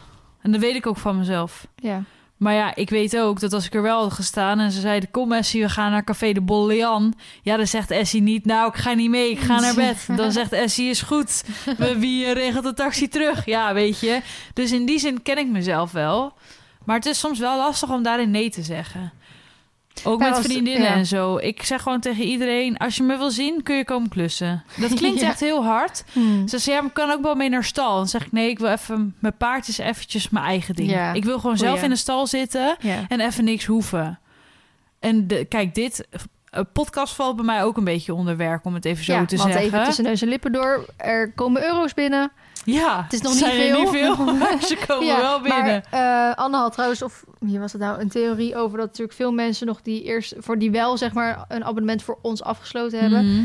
die hebben natuurlijk vaak toch die eerste maand gratis of zo. Ja, de Dus die- eerste drie misschien zelfs. Ja, dus die de betalen dan natuurlijk ook nog niet. Dus Ja. misschien dan na een paar maanden. Maar goed, er komen euro's binnen, jongens. Ja, dus ik We zie zijn, wel eh, een beetje, tenminste, dat klinkt misschien heel lullig of zo, maar dit is wel, dit plan ik in als werk zijnde, zeg Mhm. maar. En het is natuurlijk eh mooi bijeenkomst dat wij elkaar dan daardoor zoveel zien. Maar als dit niet per se een ding was geweest, dan had ik ook gezegd, ja, bekijk het even met je podcast, snap je? Ja, Als het makkelijker had gekund. ja precies. Dan had ik, Ja, ook, dan dan had het ik dat ook geschrapt, Ja, geskipt. dan was het misschien even net zoals toen met jou, eh, eh, met je amandelen, dat dan Sjoerd bijvoorbeeld even een paar Ja. keer invalt of zo. En nu denk ik, nee, dit is gewoon iets van ons samen. Dus dan, ja, ik weet niet. En eh, dat bevalt me ook prima hoor. Ik bedoel, ik kan me daar zelf ook wel op instellen. Maar ehm, ik pak ook heel erg mijn rust. Want zoals vanavond, zodra wij klaar zijn, ga ik mijn bed in. Ja, snap ik. En dan kom ik er morgen om eh, kwart voor acht uit. Om acht uur zit ik weer achter mijn laptop. Weet Ja. je wel dat? Maar het is wel goed voor jezelf om die grenzen aan te geven. Want ik merk het bijvoorbeeld met... eh, ik heb natuurlijk een tijdje geleden aangegeven... zeker toen ik verhuisd was... dat ik helemaal niemand kende bij mij in de buurt. Hmm. En toen kreeg ik wel wat lieve berichtjes van... zo heb ik Remke en Aisha bijvoorbeeld leren kennen... die dan zeggen... hey, eh, ik woon eh, ook daar in de buurt... dus vind je het leuk om een keer een buitenritje te gaan... of een keer dat doen. Dus ik ben wel... eh, ik heb wel wat mensen leren kennen op die manier. Maar ik krijg nog steeds wel eens berichtjes van mensen binnen van... hey, ik woon bij jou in de buurt... of ik ben daar ook recent komen wonen. Vind je het leuk om een keer wat te gaan doen? En dan denk ik, ik vind het ten eerste even gezegd hebben... dat super lief dat ze mij een berichtje sturen... Hmm. Maar ik moet er wel voor gaan waken dat ik niet... Ja, om het, het klinkt misschien nu heel raar, maar te veel mensen daar gaan leren kennen. Dat klinkt nu misschien heel raar. Want ik heb niet genoeg tijd om Ja, al precies. die mensen, zeg maar, Ja. iets mee te gaan doen. Nou, dat had ik laatst ook. ge- Ik weet niet of je dat gezien hebt. In mijn QA had ik dat gedeeld. Want iemand had gevraagd: Heb je zin om nieuwe mensen te Oh, leren ja, ja, kennen? En toen dacht ik: Ja, maar ik ben ook heel content met de mensen die ik nu om me heen heb. ja. En ik rij liever een uur naar jou toe om een goed gesprek te hebben. Dan dat ik bij iemand zit waarvan ik denk: Ja, het is leuk, maar mm, weet je, Ja. hm, Nou, dat hoeft misschien, niet nog een en misschien kan dat wel zo groeien. Maar ik Ja. zat wel, weet je, vaak ga je toch de eerste keer, zeker omdat het allemaal paardenmensen zijn, ga je inderdaad op een buitenritje doen. Of een keer dit, of een keer dat. Mm. En toen zat ik zo naar, want dat heb ik toen ook tegen dat meisje of vrouw, dus mijn leeftijd, gezegd van, eh, ik vind het super lief dat je dit doet. Het lijkt me ook heel leuk om dit te gaan doen. Maar als ik bijvoorbeeld naar de planning van mijn paarden kijk, die hebben zeg maar geen ruimte in hun planning Nee. om even met iemand op buitenrit te gaan. Nee, Dus dan, dus toen zei ze ook wel van, nou, ik heb ook een hond, dus als je het leuk vindt, kunnen ook. Dus dat vond ik wel een leuke eh, Ja. optie, zeg maar, tweede optie. Dus eh, schroom niet, mocht je bij mij in de buurt wonen en we zijn een beetje van dezelfde leeftijd. Of anders wordt Aisha is ook pas 18, maar die is heel volwassen voor haar leeftijd. Ja. Ehm, dan vind ik nog steeds heel leuk om mensen bij mij in de omgeving te leren kennen hoor. Maar het is wel soms dat ik echt denk, bijvoorbeeld, ik heb heel veel Ja. mensen, eh, zoals eh, met Remke lukt het ook maar niet om een, om een buitenrit weer samen te plannen. Of Maaike van Ja, Equidutch, ja. zeg maar. We proberen denk ik al twee jaar of zo om, om iets te plannen weer samen. het en dat zo lukt gewoon niet. Nee. En dan denk ik, ja, dat zijn voor eigenlijk de mensen die dan een soort van voorrang hebben... voordat ik weer nieuwe mensen leer ja, kennen. same, dat heb ik ook. Want als jij zegt zo buitenrit, dan probeer ik altijd zo snel mogelijk ja te zeggen. Ja. Alleen, eh, eh, dat zei, wat jij zei laatst zo, "We hebben net zo eh, lekker buitenrit, zei ik, eh, vriendin, heel leuk. Maar ik weet niet wanneer. ja, da- maar daar ben ik ook gewoon heel eerlijk in. En denk ik, ja, dat is alleen maar fijn dat dat wel kan. En dat iemand in mijn omgeving daar ehm, respect voor heeft en zo. Ja. En de berichtjes zijn heel leuk van ik woon bij je in de buurt en eh, ik zou met Ja. je op buitenrit en zo willen. Nou, Maar, maar, denk ik, ik wil zelf ook even settelen. En Ja. ik, wil, ik ga me niet verplichten tot iets of zo. Laat dat mij maar zijn- even lekker in mijn kokonnetje. dat zijn wel voor mij de perfecte vrienden, om het zo te zeggen. Die je inderdaad gewoon twee, drie maanden niet amper kan spreken of zien. Ja, En dat je gewoon zegt, hey, zullen we van de week even... ja ik ben in de buurt. ben in de buurt Ja. of kan jij dan toevallig? En dan zeg je, ja, is goed, leuk, weet je wel. En dat je dan Ja. even lekker bijkletst. Ik, ik ben niet die persoon die jou elke week gaat appen Nee, dat weet ik. eh, en eh, afspreken. Daar hoef je mij echt niet voor te bellen. Nee, dat heb ik ook met Jul. Jul heb ik dus gisteren weer gezien. Nou, ik denk wel eh, drie maanden of zo weer. Mhm. Dat is echt heel lang geleden. Maar zij is dus naar Gorinchem verhuisd. En ik ga naar Gorinchem. Goor, Gorinchem. Gorkum. Gorkum. Nee, dat is wat anders. Nee, dat is de, hoe, je, hoe je Goringum uitspreekt. Gorkum. Ja? Ja. Oh, vreselijk. Maar takken en het weg. ik weet het. Dus we moesten ook echt... Ik zei, oké, hoe gaan we dit doen? Gaan we ergens vanaf hier naar Gorkum is helemaal niet zo ver. 45 minuten? Jezus, echt de takkent. Nou, maar vanaf Raaltje straks. Ja, oké. vanaf Anderhalf Raalte. uur. Want als ik over mijn sluis ga, dan kom ik altijd, ga ik heel vaak over Gorkum heen. Ja. Dus ik weet waar het ligt inderdaad. Maar ik dacht echt, vanaf hier is het helemaal niet ver. Maar inderdaad, vanaf Raalte wel. 45 minuten vind ik ook wel best wel... eh, Schat, wij wonen een uur uit elkaar. Ja, maar ja, ja, met jou ben ik dus gedwongen. Nee. maar ja, die gaat dus daar wonen. Dus het is ook even plannen. Ja, snap ik. En zij doet de politieopleiding. Dus dan moet ze ook nog af en toe even met de Tatu Tattoo spelen, zoals wij dat noemen. Ja, dan moet ik nog even werken. Dus gisteren hebben we in Nieuwegein afgesproken. Ik zei dat ze vlak bij kantoor. Dan doen we het halverwege ergens, weet je wel. Mhm. Nou, dus dat was top. En dat was super gezellig. Maar Ja. die kan ik ook inderdaad een maand niet zien of niet spreken. Ja. En als je elkaar ziet, dan is het ook weer gewoon helemaal Ja. goed. Maar kan haar ook nu bellen. En dan zeg ik, eh, dat deed ik toen met mijn moeder, toen ze zo ziek was. Mhm. Gaat niet goed. Nou, dan stond ze hier ook. Ja. Dan zei ze gewoon op werk van, eh, weet je wat, toen had ze makkelijk werk. Wat dat Mhm. betreft dat ze daarin gewoon ehm, wat flexibeler konden zijn. Nu Ja. ze in de opleiding, dus dat zal allemaal wat moeizamer zijn. Maar ze deed het wel. Snap je? Er was, er was geen probleem, niks. ja. En dan stond ze hier gewoon weer. En dat, Ja. dat vind ik wel heel bijzonder. ja. En haar ken ik echt al eh 13, 14 jaar. Ja, mooi. Dat is, die, die kent ook echt alles van mij. Ja, dat ja. vind ik zo bizar. Dat ze gewoon al, al die dingen meegemaakt hebben. Ongekend. Ja. En gisteren hadden we het toevallig over... wij zouden heel graag weer naar Pinkpop willen. Wij zijn één jaar eerder geweest. Toen hebben we in een tentje geslapen. Dus ik zei, ik wil dolgraag met je mee... maar ik ga niet in een tent liggen. Ik heb daar ook gewoon horror herinneringen aan. Want het was zo tering warm in die, in die tent. En dan werd je 's ochtends je het nest uitgebrand in zo'n op zo'n luchtbed wat dan half lek was, wat je dan iedere ochtend moest bijpompen. Verschrikkelijk. S'nachts steenkoud en s ochtends een brandje in je Echt, tent no, en die vieze dicties waar ik gewoon niet op kon pissen. Laat staan poepen. Nou, echt. Mij niet bellen, hè. Dan ging ik gewoon... S ochtends om vier uur werden die dingen hak op een gegeven moment door. Na de eerste nacht dat ik zo nodig moest zeiken. Werden die dingen dus geleegd. En dan, dan is het allesmaal dus schoon. Dus ik stond gewoon letterlijk te wachten tot er een schone dictie was. En dan kon ik eindelijk normaal plassen. Zonder dat ik er half boven hing en half barvend op dat ding zat. Oh nee, echt. Mij niet bellen. Oké. Maar we hadden het er ook over. Want toen zijn we dus drie nachten geweest. Want het was vrijdag, zaterdag, zondag. Dat is ieder jaar volgens mij. En toen zijn we vrijdagochtend aangekomen. En volgens mij zijn we pas maandag toen naar huis gegaan. Eh, maar toen betaalden we voor zo'n weekendticket... ik dacht iets van 195 euro of zo. Nu betaal je dus per dag 135 euro.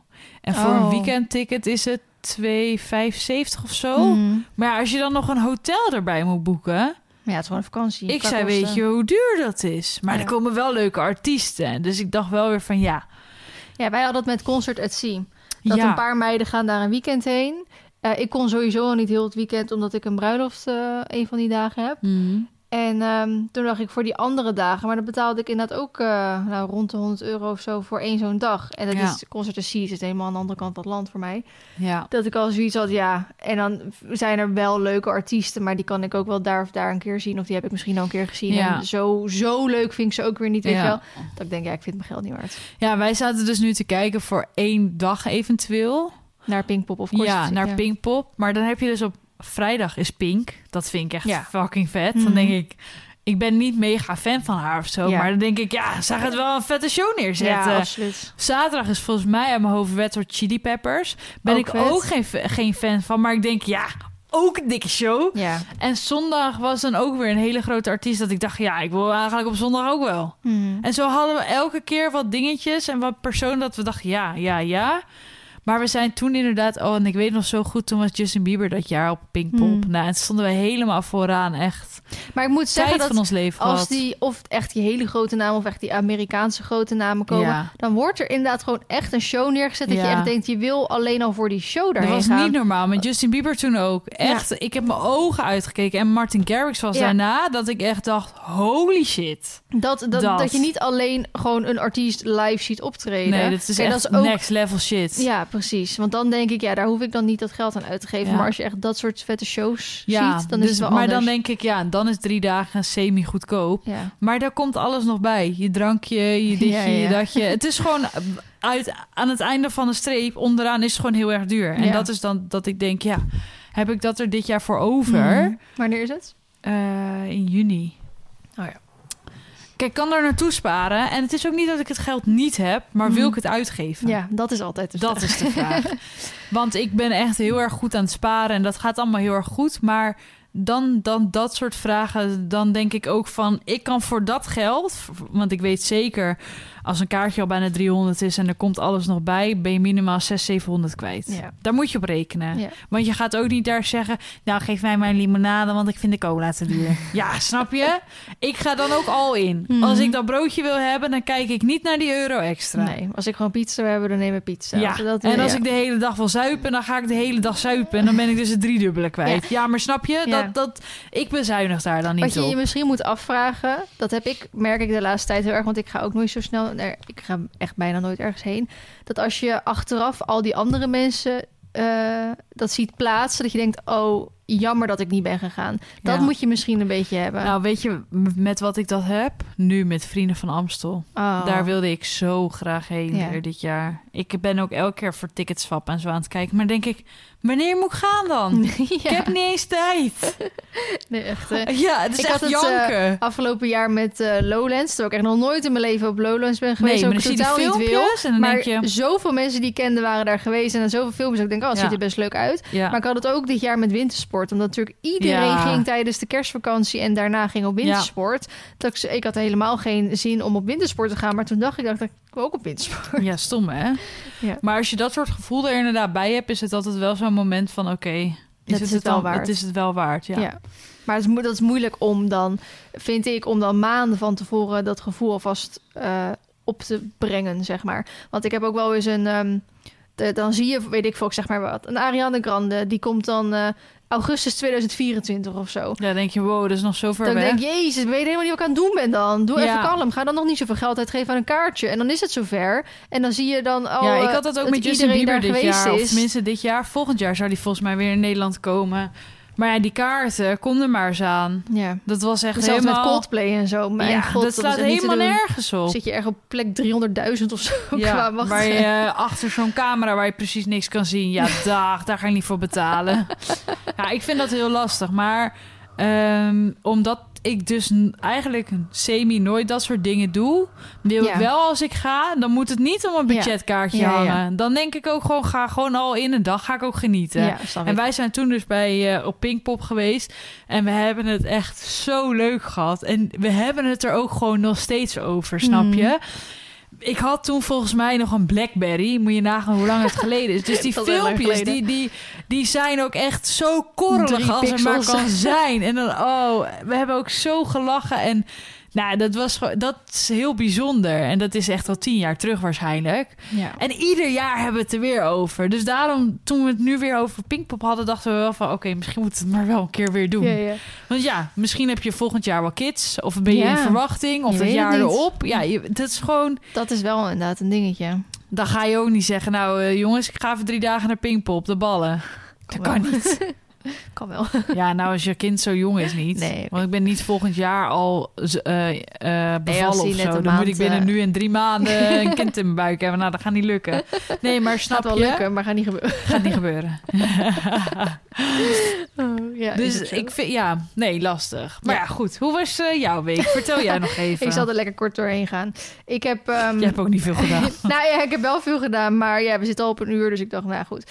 Ik heb wel twee weken geleden, maar ik zal het in de vlog anders wel iets uitgebreider bespreken. Ben ik naar het omgevingsloket geweest, omdat ik dus eh, benieuwd was of ik weer vergunningen nodig had voor eh, de mesthoop verplaatsen en de overkapping eh, Mhm. buiten. Nou, eh, daar ben ik dus echt helemaal niks wijzer van geworden, want het zijn allemaal weer specifieke, speciale gevallen die dan niet binnen de regeltjes passen, weet je wel. Hmm. Dus dan moet ik voor de mesthoop moet ik dat bedrijf of dat eh, ge- ge- ge- provinciegedoe raadplegen. En voor de overkapping moet ik weer die raadplegen. En voor die moet ik weer dat doen en zo. Dat ik dacht, oh, Sjoerd, zullen we het niet gewoon off the record doen? Zegt hij nou, dat is straks weer iemand die ons gaat verlinken en dan Ja. weer gezeik. En er zijn wel vergunningsvrije opties, maar we vinden gewoon de met vergunning nodig hebbende opties vinden we wel echt mooier. Dus weet je dan, ik had het gewoon heel graag gelijk meegenomen als we nu toch de verbouwingen gaan doen. Ja, Maar dat red je dus niet als je nog een vergunning moet aanvragen. nee, en vooral niet als er weer een protest gaat. Nou, daarom. Dus dat ga ik gewoon één deze weken ga ik dat gewoon op mijn gemakje aanvragen. En dan gaan we dat gewoon pas over een paar maanden wel of niet doorvoeren. Ja. Eh, maar goed, dat zou ik dan wel in de. Oh ja, ik zal het even je laten zien. Want ik ga dus een hele aparte video maken over dus de. ehm, de- hoe het er nu zeg maar bij ligt bij mij en wat de, de verbouwingen gaan worden. Want er heeft iemand eh, heeft dus ehm, gevraagd of ze van die 3D-tekeningen voor mij. Moet je even naar ehm, rechts swipen. Geen naakfoto's, hè? Nee, ik zit even te kijken. Moet je even naar rechts swipen. Zijn er een stuk of zes. Hij heeft dus van die 3D-tekeningen voor mij gemaakt... om dan te laten zien hoe het er dus in het echt straks... eh, na alle verbouwingen en zo uit gaat zien. En ik, heb, ik kan het wel allemaal in mijn hoofd hebben, weet je wel. Maar heel veel mensen vinden het moeilijk om dat ook echt te zien. Dus zij heeft dat eigenlijk een soort van nu dan gemaakt. En weet je, als de Is dat verbouwingen... een tent? Ja, dat, nee, dat zijn gewoon de, de, Of de, de zijn woningen van de buren. Ja. oké. Ehm, want ja, die hoeft ze niet gedetailleerd natuurlijk na te maken. Maar dan zie je nog steeds wel een beetje waar alles komt en zo.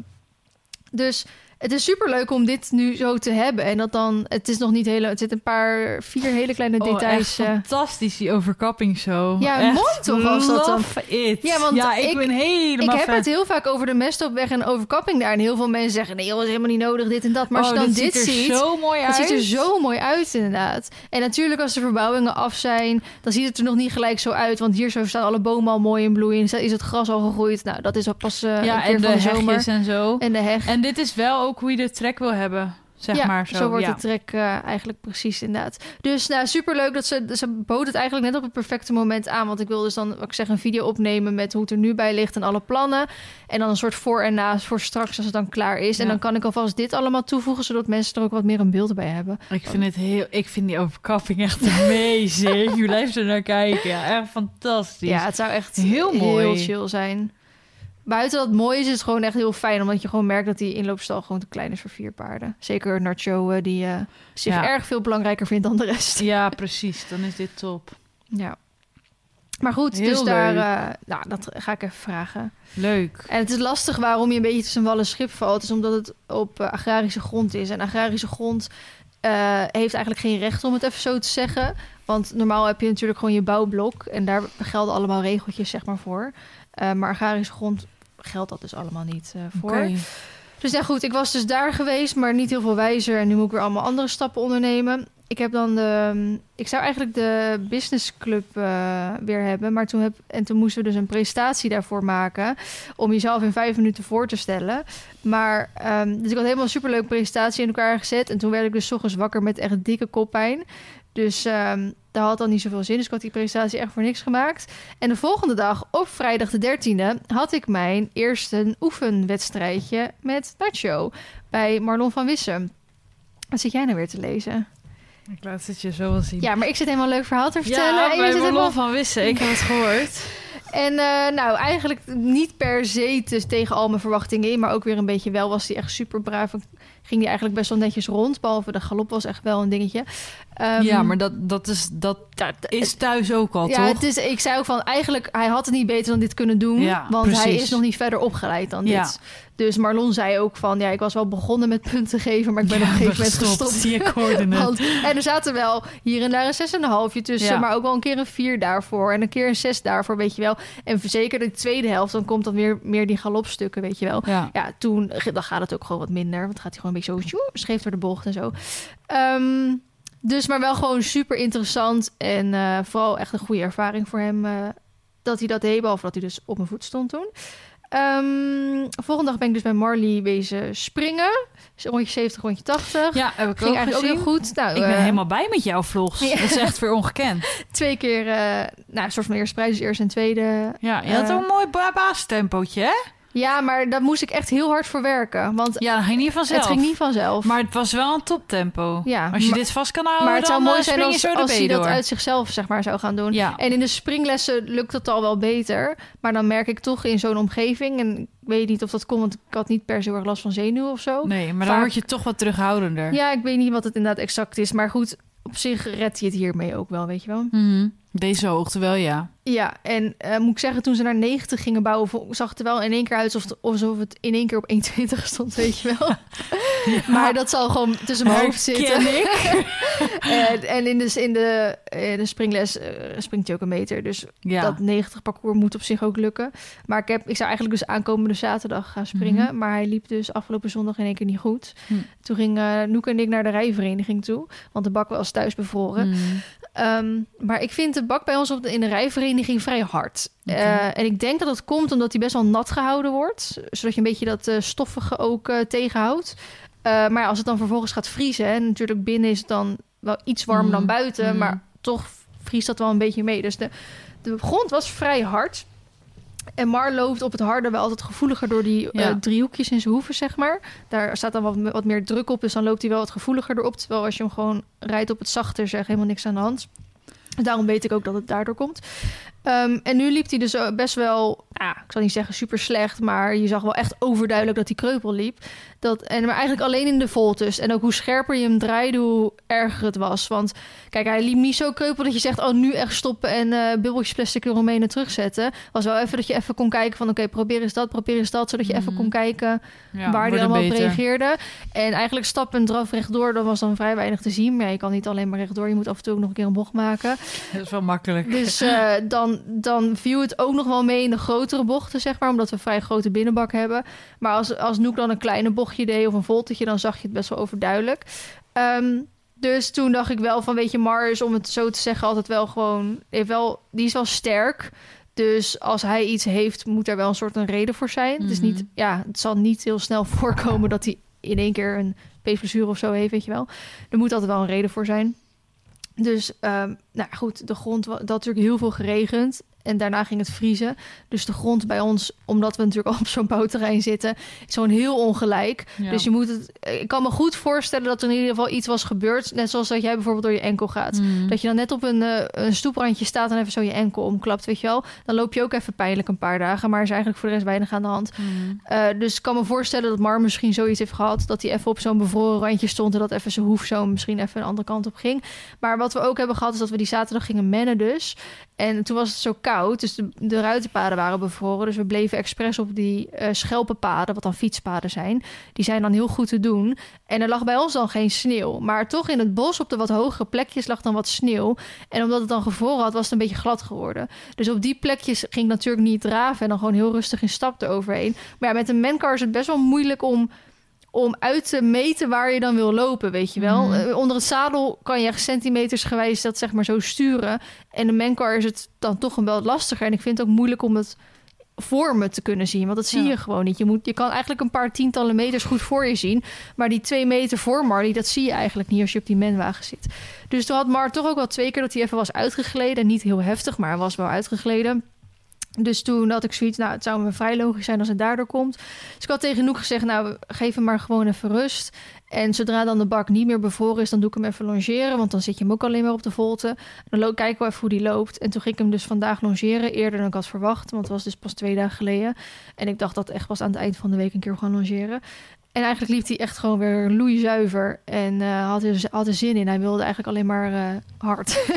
en dus dan weet je wel dat hij zich goed voelt, zeg maar. Eh, Marley kennende. Ehm, dus ik geef hem wel nog deze week vrij. Dat het voor de zekerheid dat ik hem niet misschien dan te snel weer oppak. Dus ik Ja. heb wel die wedstrijd van aanstaande zond- eh, zaterdag afgezegd. Waar ik dus wel een beetje van baal. Want dan zou ik dus 80 en 90 doen. En ik wil natuurlijk graag die winstpunt in de 90 hebben. En dan zou ik eigenlijk ook weer gaan stoppen met de oefenwedstrijden. Ehm, maar er is pas volgens mij in maart weer eh, springen bij ons op de vereniging. Ja, dan rij je 90 en een meter. Nou, dat absoluut niet. Dus eh, ja, maar er is, ik heb gewoon geen reden om een meter te springen. De, e- en het enige wat er kan gebeuren is dat we, dat we met de afstanden niet uit gaat komen. Dat hij weer dwars door een oxer heen gaat. Dat je weer op Maar hoezo begint. wil je dan wel die punt in eh, 90 Omdat je eh, een winstpunt in 90 nodig hebt om tegenwoordig eventing te mogen starten. Oh ja, dat was het. En dat ja, was ook de ja, enige reden waarom ja. ik een winstpunt in de 100 wilde. Maar die regel is veranderd. En 90 ma- kan niet makkelijk, want we hebben vroeger ook foutloze parcoursen mee Ja, gedaan. precies. Ik wou zeggen, maar. Dus, en daarom, weet je, daarna ho- hoeft het niet meer, want dan heb je die winstpunt binnen. En dan ga je alleen een beetje voor onderhoud, zeg maar. Eh, maar dan hoef je natuurlijk niet echt een wedstrijd te doen. Want elke eerste maanden van de maand is ook oefenspringen bij ons op de vereniging. Ja, dan kom ik daar wel naartoe. Of gewoon je springlessen is dan ook al voldoende, weet je wel. Dus daar baalde ik een soort van een beetje van. Want dan dacht ik, oh, het was zo lekker geweest als we dat dan nu al konden doen. Zodat je dat alvast af kon strepen van je doelen 2023 lijstje, Mhm. zeg maar. Ja. En nu is pas dan de eerstvolgende wedstrijd bij ons eh, in maart, dacht ik pas. En natuurlijk, je kan ook gewoon op andere locaties gaan springen. Dat snap Mhm. ik allemaal. Maar ehm, bij Mar is het wel gewoon zo. En eigenlijk vooral, eigenlijk ben ik het. Dat ik heel erg gewend ben om met hem op de vereniging te springen. Waardoor als ik dus zo'n parcours in moet gaan, gewoon bijna geen zenuw heb. En moet ik exact hetzelfde parcours op een andere locatie springen, ga ik dus Ja, wel weer heel error. veel zenuwen hebben. Omdat ik dan bang ben, oh lukt het dan wel? En ben ik niet voor niks hierheen gekomen? En ik ben bang dat hij dan weer gaat weigeren. En dat we dan weer opnieuw moeten beginnen. En dit en dat, weet je wel. Dus voor mij gemoedsrust is het gewoon heel erg fijn om het gewoon op de rijvereniging te Mhm. doen. Eh, en tuurlijk, als je eventing wil gaan starten, moet het ook op andere locaties. Dat snap ik allemaal wel. Maar omdat ik gewoon met, dus met een pony tussen de paarden moet starten, die niet per se heel erg aangelegd is om heel goed te kunnen springen, maar het wel op karakter goed doet, ja, moet je daar gewoon rekening mee houden. Ehm, nou, toen heb ik die dag ook mijn nieuwe slowfeeder gekregen, maar dat eh, kan je in de vlogs allemaal gezien hebben. Ehm, ben ik bij jou geweest om te verven. Nou, die balk is met Nacho dan gedaan. We zijn naar Vlissingen geweest voor eh, de afspraak met Chevaldo. Daar komt morgen dan voor mij dan morgen de vlog online. Maar dat, de luisteraar die heeft hem al kunnen zien. Mhm. Eh, ik ben met Sjoerd naar de Applejack geweest om een eh, outfit voor hem uit te zoeken. Rijbroek, chaps, eh, joppers en alles. Mag handschoentjes. Nacho eerst wel een stukje braver worden? Nou, hij gaat ook zeker niet op Nacho verlopen. maar dan heeft hij in ieder geval, want hij had al een cap. Hij heeft nu eigenlijk echt zijn volledige outfit om gewoon echt kant en klaar op een paard te stappen. Dus dat is niet meer de reden om nog niet te beginnen met lessen. Eh, maar dat komt ook in de vlog. En we zijn nog even naar mijn sluis geweest, want Alexis van Anissa was jarig. Oh ja. Dus het was leuk om daar weer even heen te gaan. Ehm, wat foto's met Sanna gemaakt voor fotocadeau dan. Dus dat ziet de luisteraar ziet dat ook binnenkort. En eh nou, Sjoerd is dan weer thuis. Dus we zijn weer eh, lekker bezig. Nou, tenminste, ik wil zeggen, we zijn lekker bezig met huis. Maar Sjoerd is bezig en ik ben gewoon aan het werk. en eh, aankomende week, aankomende week eh, beginnen de verbouwingen. Ja. Dus eh, deze week gaan we alvast de hele hooizolder leeghalen. En eh, andere dingen die natuurlijk allemaal weg moeten voor het asbestdak. Ehm, en daarna gaan ze als goed is beginnen. Maar dat hoor ik waarschijnlijk deze donderdag pas. Spannend. Ja, dus eh, ik wil eigenlijk gewoon nu in mijn vingers knippen... en dat het drie weken verder is en dat alles klaar is. Ja, ik snap het. Nog Dat, even eh, geduld. Ja, maar eh, als, ik hoop, ben gewoon heel erg bang. Ik heb er heel veel zin in. Ik, heb, ik vind het oprecht heel leuk om, om het mee te maken. Maar ik ben gewoon, doordat het vorig jaar natuurlijk gewoon best wel kut was... dat in één keer dan die gemeente op de stoep stond en alles stil kwam leggen. En ook al hebben we nu een vergunning, Ja. ben ik gewoon nog steeds bang... dat je dan nu weer gaat beginnen en dat dan Ja. ze weer komen... en dan op een andere reden of zo het stil komen leggen... en dat het dan weer allemaal kut is. En weet je, de, de trek is één, maar we gaan die omheining straks natuurlijk ook nog allemaal doen. En als ik geen omheining heb, kan ik mijn paarden daar niet neerzetten. Want ik ga niet Mhm. weer alles met prikpaaltjes of weet ik het wat zetten. Ja. Dus ehm, ik ben gewoon een beetje getraumatiseerd dat Ja. het weer allemaal stil komt te liggen. En dat wil ik gewoon niet meer. Daar heb ik geen zin in. Snap ik. Dus, ehm, en daarna komt de hovenier om alles lekker aan te Ja, planten. dat is wel tof. Ik ben heel benieuwd. Ja, ik was wel eigenlijk best wel blij dat Sjoerd het ermee eens was. Want Sjoerd zei eerst van, joh, dat kunnen we allemaal prima zelf. En natuurlijk, dat is ook wel zo. Maar wij zijn er waarschijnlijk een week of twee weken mee bezig. En zo'n hovenier, die komen z'n tweeën. En die hebben gewoon binnen een dag hebben die eh, alles, Alles erin af. staan. Ja. En bedoel, ik heb ook eh, iets van acht bomen die geplant moeten worden. geworden. Nou, die wegen gewoon 200 kilo per stuk. Ja, daar ga jij niet op kunnen tillen. Nee. En tegen de tijd dat je gaten gegraven hebt en je boom daar recht in hebt staan en eh, alles eromheen, keer acht. Heb je een echtscheiding aangevraagd en is het niet meer gezellig thuis? Dus eh, toen, eh toen Sjoerd hoorde wat, eh, wat de offerte was, zei hij van oké, prima, doe maar. Ja, nou top. Dus eh, daar ben ik heel erg blij mee. Spannend. Spannende tijd. Ja, ook zeker voor de bak vind ik het heel fijn. Dat eindelijk die hecht eromheen kan. Je hebt het net kunnen Ja, zien heel al. mooi. Ik ben zo benieuwd hoe Dat het gaat straks zo is. anders staan. En we hebben ook met Chevaldo afgesproken dat er toch zo'n randje ehm, tussen de bak en het gras zeg maar gaan maken. Mm. Want het valt heel erg mee hoeveel gras mijn bak in komt eh, groeien. Want dat is waar heel veel mensen normaal een randje voor Mhm. maken. Ik heb er toen expres voor gekozen om geen randje te doen. Ik dacht, dat loopt dan mooier in elkaar over. Mhm. Ja, dat doet het. Maar ehm, wat je dan merkt, omdat je ook je bak sleept... is dat bijvoorbeeld de voltes bij A en C... die worden steeds groter en je hoekjes worden steeds kleiner. Dus ik wil gewoon eigenlijk met van die planken dan Ja. de scheiding gaan maken. En dan kan je zo heel mooi dat je bak zo ligt... dan een plankje en dat je dan de aarde en het gras tegen dat plankje aan laat groeien. Dan ziet het er gewoon straks heel strak uit. Ja. En dat is wel gewoon echt heel mooi voor het oog vooral ook. Dus daar ben ik blij mee. in. Nou, we gaan Yes. afsluiten. Ja, we gaan eh, nummer Twee opnemen. twee opnemen, pardon. Bedankt voor het luisteren en eh, tot volgende week. Yes, bye bye.